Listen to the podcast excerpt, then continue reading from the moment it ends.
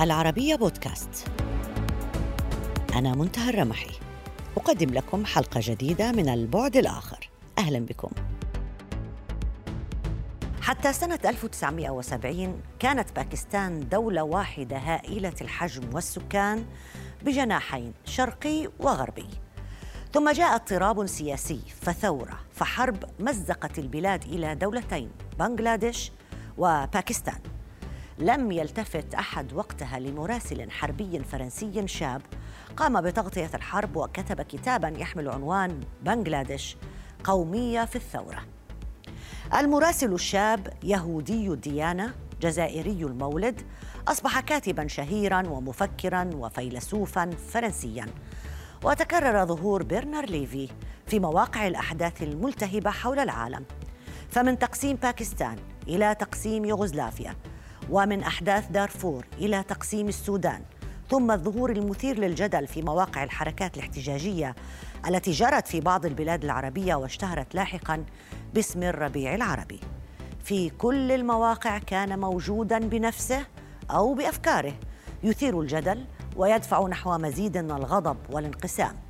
دوره الأشهر كان في ليبيا حيث لعب دورا مبكرا في الأحداث وكان وسيطا شخصيا بين الرئيس الفرنسي ساركوزي وبين الثوار الليبيين في بنغازي وقام بالتوسط لمدهم بكميات كبيرة من الأسلحة الفرنسية كما اعترف هو نفسه لاحقا في كتابه الذي حمل عنوان الحرب بدون أن نحبها والذي صدر عام 2014 بينما اتهمته مجلة نيويوركر الأمريكية في مارس 2011 بأنه يجر الناتو للحرب في ليبيا وتساءلت هل فعلا برنار هنري ليفي أخذ الناتو للحرب؟ اسمحوا لي أن أرحب بالمفكر الفرنسي المثير للجدل برنار هنري ليفي. أهلا بك معنا. أهلا وسهلا بكم. أه من عام 1970 يعني من تقسيم باكستان قديما إلى تقسيم يوغوسلافيا إلى تقسيم السودان إلى أن جرى ما سمي بالربيع العربي أنت كنت موجود في هذه المناطق. هل هل هذه صدفة؟ حاولت أن أكون متواجدا قدر المستطاع عندما كانت قضية الحرية وحقوق الإنسان في صلب الأحداث. حاولت في كل مرة أن أقوم بعملي كمثقف ملتزم يقف إلى جانب الضحايا ويقدم الدعم أيضا للنساء والرجال الذين يحاربون ويقاومون من أجل حقوق الإنسان والحرية. ولكن هذه الحقوق المقدسة وأنت ذكرت في كتابك ب 2014 الحرب بدون أن نحبها عن دورك في ما حصل في ليبيا. كمفكر وفيلسوف ومثقف مفهوم الوقوف بجانب الحقوق الإنسانية. لكن فكرة الوساطة من أجل تأمين السلاح لطرف على حساب طرف آخر هل يدخل هذا في في باب الحقوق الإنسانية؟ non non non لا كلا أنا لم أكون تاجر سلاح ولا وسيط. ما سعيت إليه خلال الحرب في ليبيا هو أن أقدم الدعم والتشجيع وكذلك أن أوصل صوت الرجال والنساء الذين لم يكونوا يرغبون في استمرار الديكتاتورية ويرغبون في الديمقراطية. هذا هو الموقف الذي أراه عادلا نبيلا ويتماشى مع القيم العالمية وهذا ما سعيت إلى فعله في عام 2011 في ليبيا. إذا أنت تنفي ما نقل عن أنك كنت مسؤول عن عسكرة الثورة في ليبيا وأنك لعبت دور الوساطة الحقيقة بين ساركوزي والثوار في بنغازي آنذاك يعني بمسألة السلاح. هذا تنفيه تماما. لا كلا أنا لا أنفي ذلك. طبعا أنا أوصيت أوصيت هيلاري كلينتون ونيكولا ساركوزي بربما اتخاذ موقف من خلال الشهادات التي قدمتها لهما ودفعتهما لدعم أولئك الذين يحاربون على الأرض من أجل نفس القيم التي نؤمن بها. وبالتالي قمت بتشجيع رئيس الجمهورية الفرنسية وكذلك وزيرة الخارجية الأمريكية وهي طبعا تسرد ذلك في مذكراتها. إذا قمت بتشجيعهما ليلعب دوريهما كصديقين للديمقراطية والقانون والسلام. هذا شيء صحيح. من كتابك الحرب بدون أن نحبها الذي صدر عام 2014 ومن 2011 الحقيقة ما حصل في ليبيا وكل التداعيات التي حصلت لاحقا بعد سقوط القذافي. هل هل ترى بأن الدور الذي لعبته آنذاك كان إيجابيا؟ الدور الذي قمت به برأيي كان إيجابيا لأنه علينا أن نقف إلى جانب شعب يقاوم الظلم والطغيان. أنا لا أندم على ذلك على الإطلاق. ثم بالنسبة للنتائج ربما لم تكن كما كان يتوقعها الجميع وهناك طبعا قوى أجنبية ليست مؤيدة للديمقراطية تدخلت في الشأن الليبي. وصحيح أيضا أن المتطرفين في الإسلام حاولوا أن يستفيدوا من هذا الوضع. هذا أيضا صحيح ولكن هذا هو الوجه الآخر. أما ما حدث في عام 2011 والدور الذي قمت به من أجل إيصال صوت الليبيين الثائرين فهذا بطبيعة الحال أنا دائما مؤمن بأنه كان عادلا ولا أندم على ذلك على الإطلاق. آه، إذا كان هذا الأمر كذلك كيف تفسر آه، المظاهرات التي قامت ضدك في تونس عند زيارتك بدعوة لتونس بدعوة من المنصف المرزوقي في في في الأعوام القريبة في عام 2014 على ما أذكر؟ يعني كان هناك تحميل مسؤولية كبيرة كأنه لك شخصيا بنتائج ثورة 2011 التونسية. طبعا آه، آه، بالنسبة لتونس أنا لم أزرته ولم أحصل على دعوة من أي رئيس. فطبعا تونس بلد يمكن لأي مواطن فرنسي أن يزورها. أنا زرت تونس آه، حقيقة في 2014 للالتقاء بليبيين من ذوي النوايا الحسنة والذين ينتمون لكافة ألوان الطيف الليبي. لأنني من مؤيدي ليبيا الموحدة والديمقراطية. ذهبت إلى هناك إذن لألتقي بهم. طبعا آه، آه، بالنسبة آه، للأحزاب الإسلامية المتطرفة في تونس والتي تجندت ضد زيارتي. هذا صحيح وكنت أنتظر ذلك. طبعا الإسلاميون المتطرفون سواء كانت القاعدة أو جماعة الإخوان المسلمين هؤلاء لم يكن على الإطلاق من أصدقائي وقد هاجمتهم بشدة طيلة حياتي. صحيح أنهم ربما يحملوني المسؤولية لما حدث في 2014 في تونس. وعندما عدت إلى ليبيا حدثت أحداث هذا صحيح. ولكن عندما آه، آه، أو تكون الكلمة للإرهابيين والمتطرفين فهذا يحدث ضجيجا وهم يغطون على صوت العقلاء. وكذلك أنصار الاعتدال والسلام هذا صحيح في أي مكان كان. هذا ينطبق على فرنسا أثناء الثورة الفرنسية. وهذا صحيح أيضا اليوم فيما يخص الإسلاميين التونسيين أو الليبيين. هذه قاعدة من قواعد التاريخ التي يجب أن نقبلها. طيب بروز الإسلام السياسي في كل دول الربيع العربي آه، هل كان مقصودا؟ هذه آه، آه، مأساة. هذه مأساة كبيرة لأن الطموح في العيش في السلام وفي الحرية. تم مصادرة ذلك من قبل الحركات الشمولية. طبعا هناك إسلاميون متطرفون وهي في الواقع حركات شمولية. هي فعلا صيغة أخرى لما عرفه الأوروبيون أي الفاشية أو الشيوعية هذا نفس الشيء. فالشمولية هي موجودة في كافة شعوب العالم. أما الديمقراطية والآمال الديمقراطية هو ما يتقاسمه أيضا الكثير من الشعوب وهذا ينطبق على الشمولية كذلك. وفي عالم العالم الإسلامي هذا يسمى آه، آه، صحيح القاعدة وجماعة الإخوان المسلمين وكذلك الجماعات التي آه، درستها أيضا في باكستان أو أفغانستان هي الجماعات الإرهابية المتنوعة. هذه صيغة محلية باكستانية أو ليبية أو تونسية للشمولية كما عرفناها في أوروبا. كل ما تتفضل به سيد ليفي قد يكون مقبولا من الناحية الديمقراطية أو من الناحية الفكرية والناحية الفلسفية. لكن فكرة أن آه، تساعد طرف ما في حرب ما في دولة ما على الحصول على السلاح على طرف آخر آه، آه، يعني واحد من أسباب وجود الحروب الأهلية في الدول هو حصول طرف على آه، على سلاح دونا عن الطرف الآخر، لنفترض إنه في حالة اضطهاد للسود في أمريكا الآن، هل ستساعد السود في أمريكا على الحصول على السلاح مثلا كما حصل في ليبيا؟ لماذا لم يكن الأمر تماما أنت دعمت المظاهرات اللي صارت في إيران مثلا بس لماذا لم تتطور الأمور إلى هذه المرحلة في إيران بالنسبة لك؟ بقيت الأمور على حالها.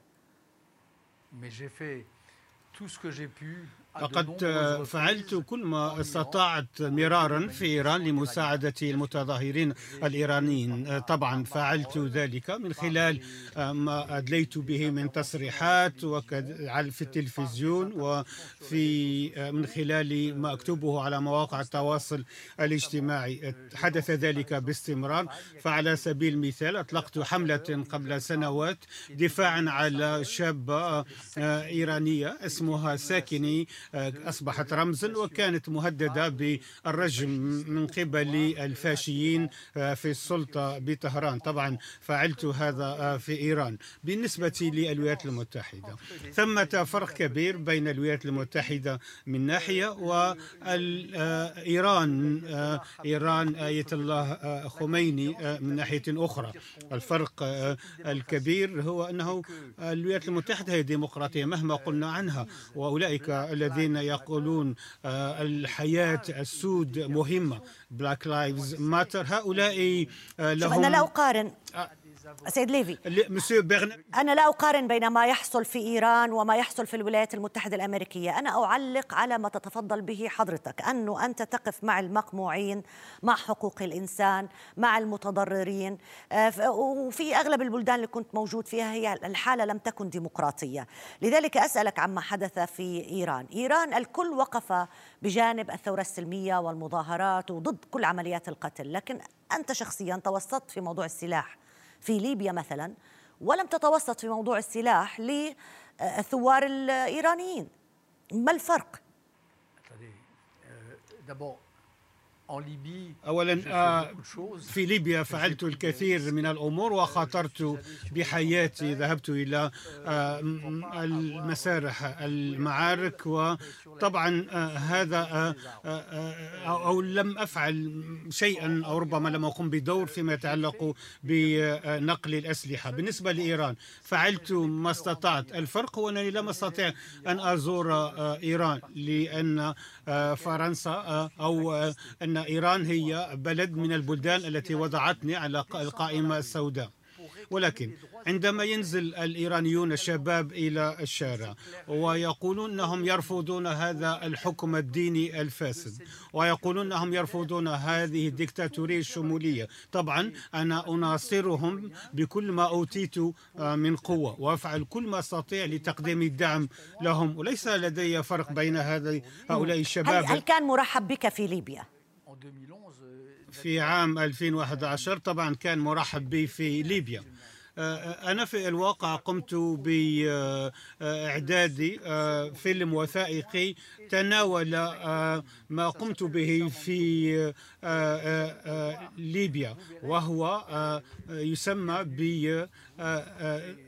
عهد طبرق ذهبت إلى طرابلس وبنغازي والكثير من المدن الليبية أتحدث أمام الجماهير المليئة بالأمل وطبعا كانوا يرحبون بي وأدعوك لمشاهدة هذا الفيلم الوثائقي وأنا أظهر في هذه الصور. طيب إذا كنا نتحدث عن قمع المظاهرات وعن المظلومية لأناس مدنيين في إيران القمع تكرر في ليبيا وتكرر في سوريا مثلا وفي كثير من البلاد اللي حصل فيها الربيع العربي. لكن في في بلاد الربيع العربي لم يمنع تطور المظاهرات للثورة الشاملة التي قلبت الأنظمة. لماذا لم يحدث هذا في إيران؟ لماذا عكس هذا حدث في إيران؟ انه السلطة ما زالت تمسك بكل قوتها على الشارع. تحدثت عن سوريا وإيران. إن أكبر حزن شعرت به في حياتي هو أنني لم أستطع أن أسمع صوتي وكذلك أصوات الديمقراطيين السوريين والإيرانيين الذين تعرضوا للقمع والتعذيب من قبل النظام الحكم الديني الإيراني ونظام بشار الأسد هذا ما أنا فعل نادم عليه كثير في حياتي. تمنيت حقيقة بأن يحدث لبشار الأسد ما حدث للقذافي. كنت فعلا أتوق لأن تقوم فرنسا بلادي والغرب عامة وكذلك الإماراتيون الذين كانوا يقفون إلى جانب أوروبا في حرب ليبيا حيث كان هناك طائرات ليبية تحلق مع الطائرات الفرنسية والأمريكية لتخليص ليبيا من القذافي. تمنيت لو حدث ذلك في سوريا. للأسف لم يحدث هذا الأمر وتركنا بشار الأسد طليق اليدين. وتركنا سوريا لحزب الله وللمرتزقة الإيرانيين الذين حولوا سوريا إلى مسرح من الدمار ومقبرة جماعية. ففعلا أنا بالنسبة لي هذا من أكبر المآسي بالنسبة لحياتي. هناك أناس في العالم العربي الحقيقة وأصوات تتهمك بشكل مباشر. بأنك كنت ربما وراء ظهور تنظيمات مثل داعش والقاعدة بعد بعد الربيع العربي، كيف ترد على ذلك؟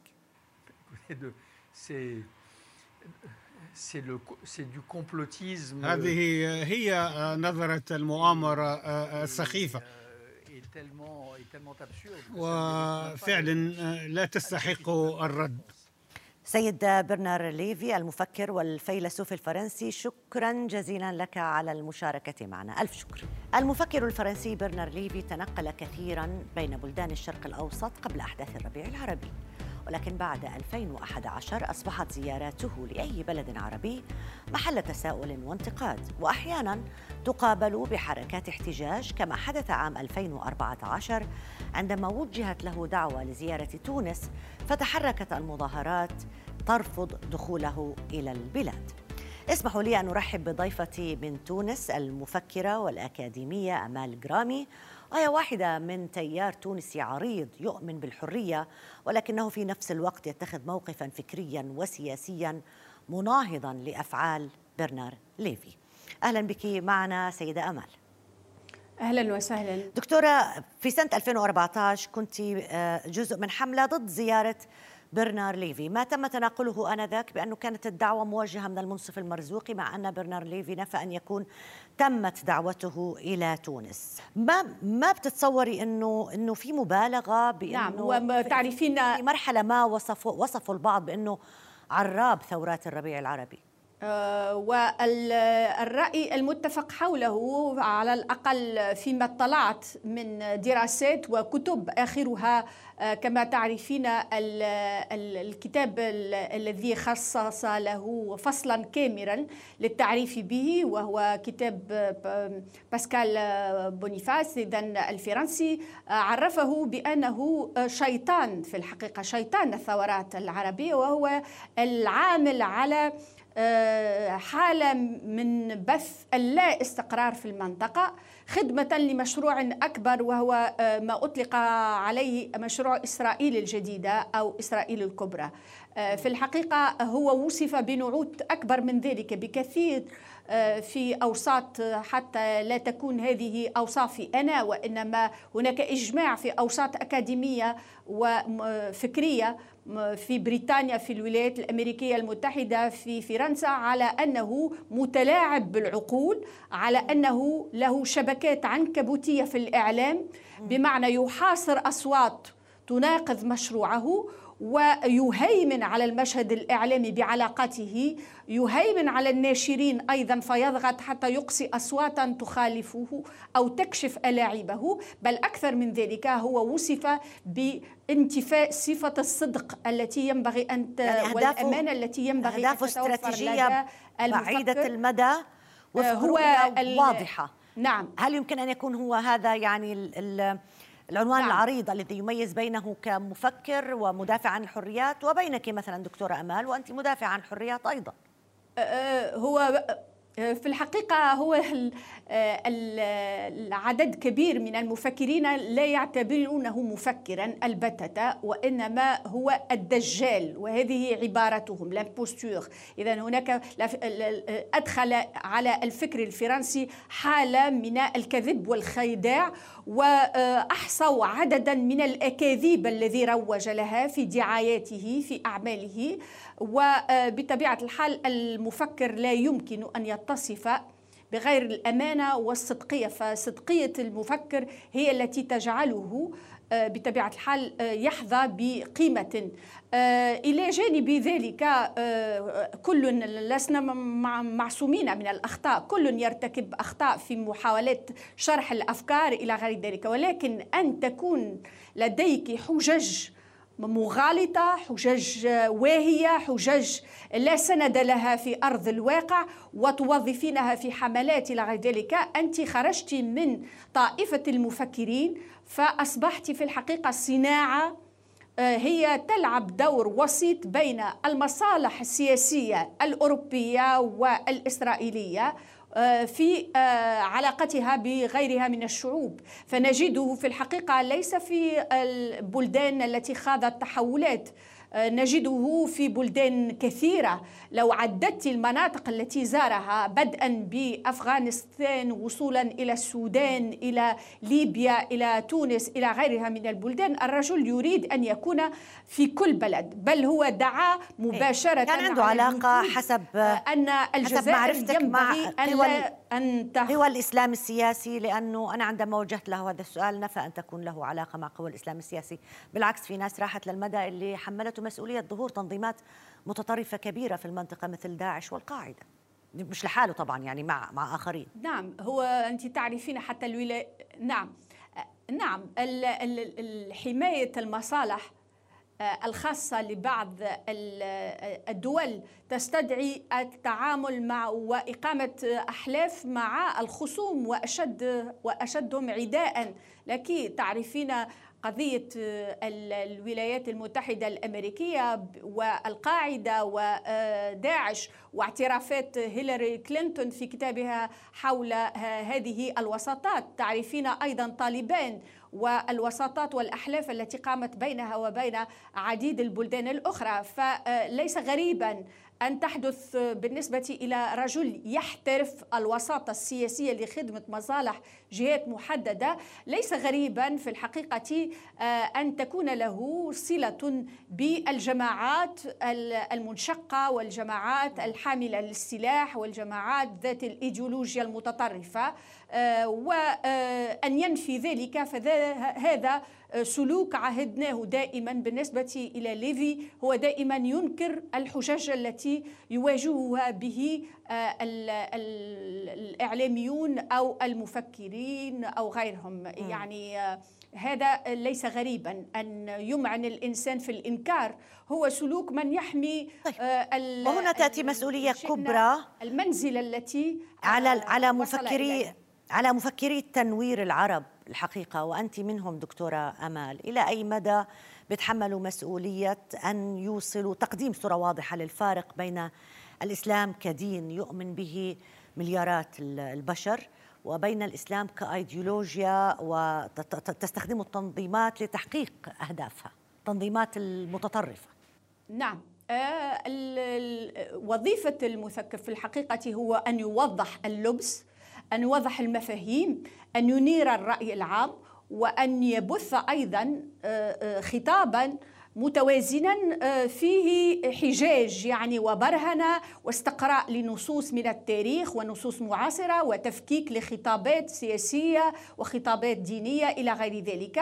آه، بالإضافة إلى هذا المفكر هو يستفز الرأي العام يدعوه إلى إعادة التفكير في المسائل التي تؤخذ على أنها بديهية أو على أنها تأتي من أفواه الرجال بين ظفرين وأفواه العلماء ولذلك لها صبغة القدسية. والحال أننا نحاول أن نبث في الأجيال الجديدة وفي المشاهدين والمشاهدات الذين يحبذون خطابا آه، يحفز لديهم الحاسة النقد. حاسد النقد الذاتي قبل أن تكون نقد الآخرين. ولذلك نحن ندعو إلى المراجعات اول الامر ندعو إلى آه، آه، بيان هذا التلاعب في الميديا اليوم. هناك رهان تطرحه وسائل الإعلام التي يصنع فيها الخبر ولكن تصنع فيها أيضا الأكاذيب والمراوغات والمغالطات. لذلك اليوم قضية مطروحة وهي الفيك نيوز من دور أيضا المفكرين والمثقفين أن يبينوا الحقائق آه، اذا بوثائق بشهادات ب آه، اذا معارضة الحجة بالحجة لبيان تهافت خطاب يدعي أنه يروج لإسلام ما إسلام حسب فهم ضيق آه، وهو بعيد في الحقيقة عن هذا الإسلام لأنه يتاجر به في نهاية الأمر ولا فرق لأهداف خاصة بين به. من يتاجر بالإسلام إيه. ومن يتاجر آه، نعم وما وليفي الذي يتاجر أيضا بمصالحه. شكرا جزيلا لك المفكرة والأكاديمية التونسية دكتورة أمال الجرامي ألف شكر لك على المشاركة معنا. شكرا جزيلا. وبهذا انتهت هذه الحلقة من البعد الآخر. تحية لكم وإلى اللقاء.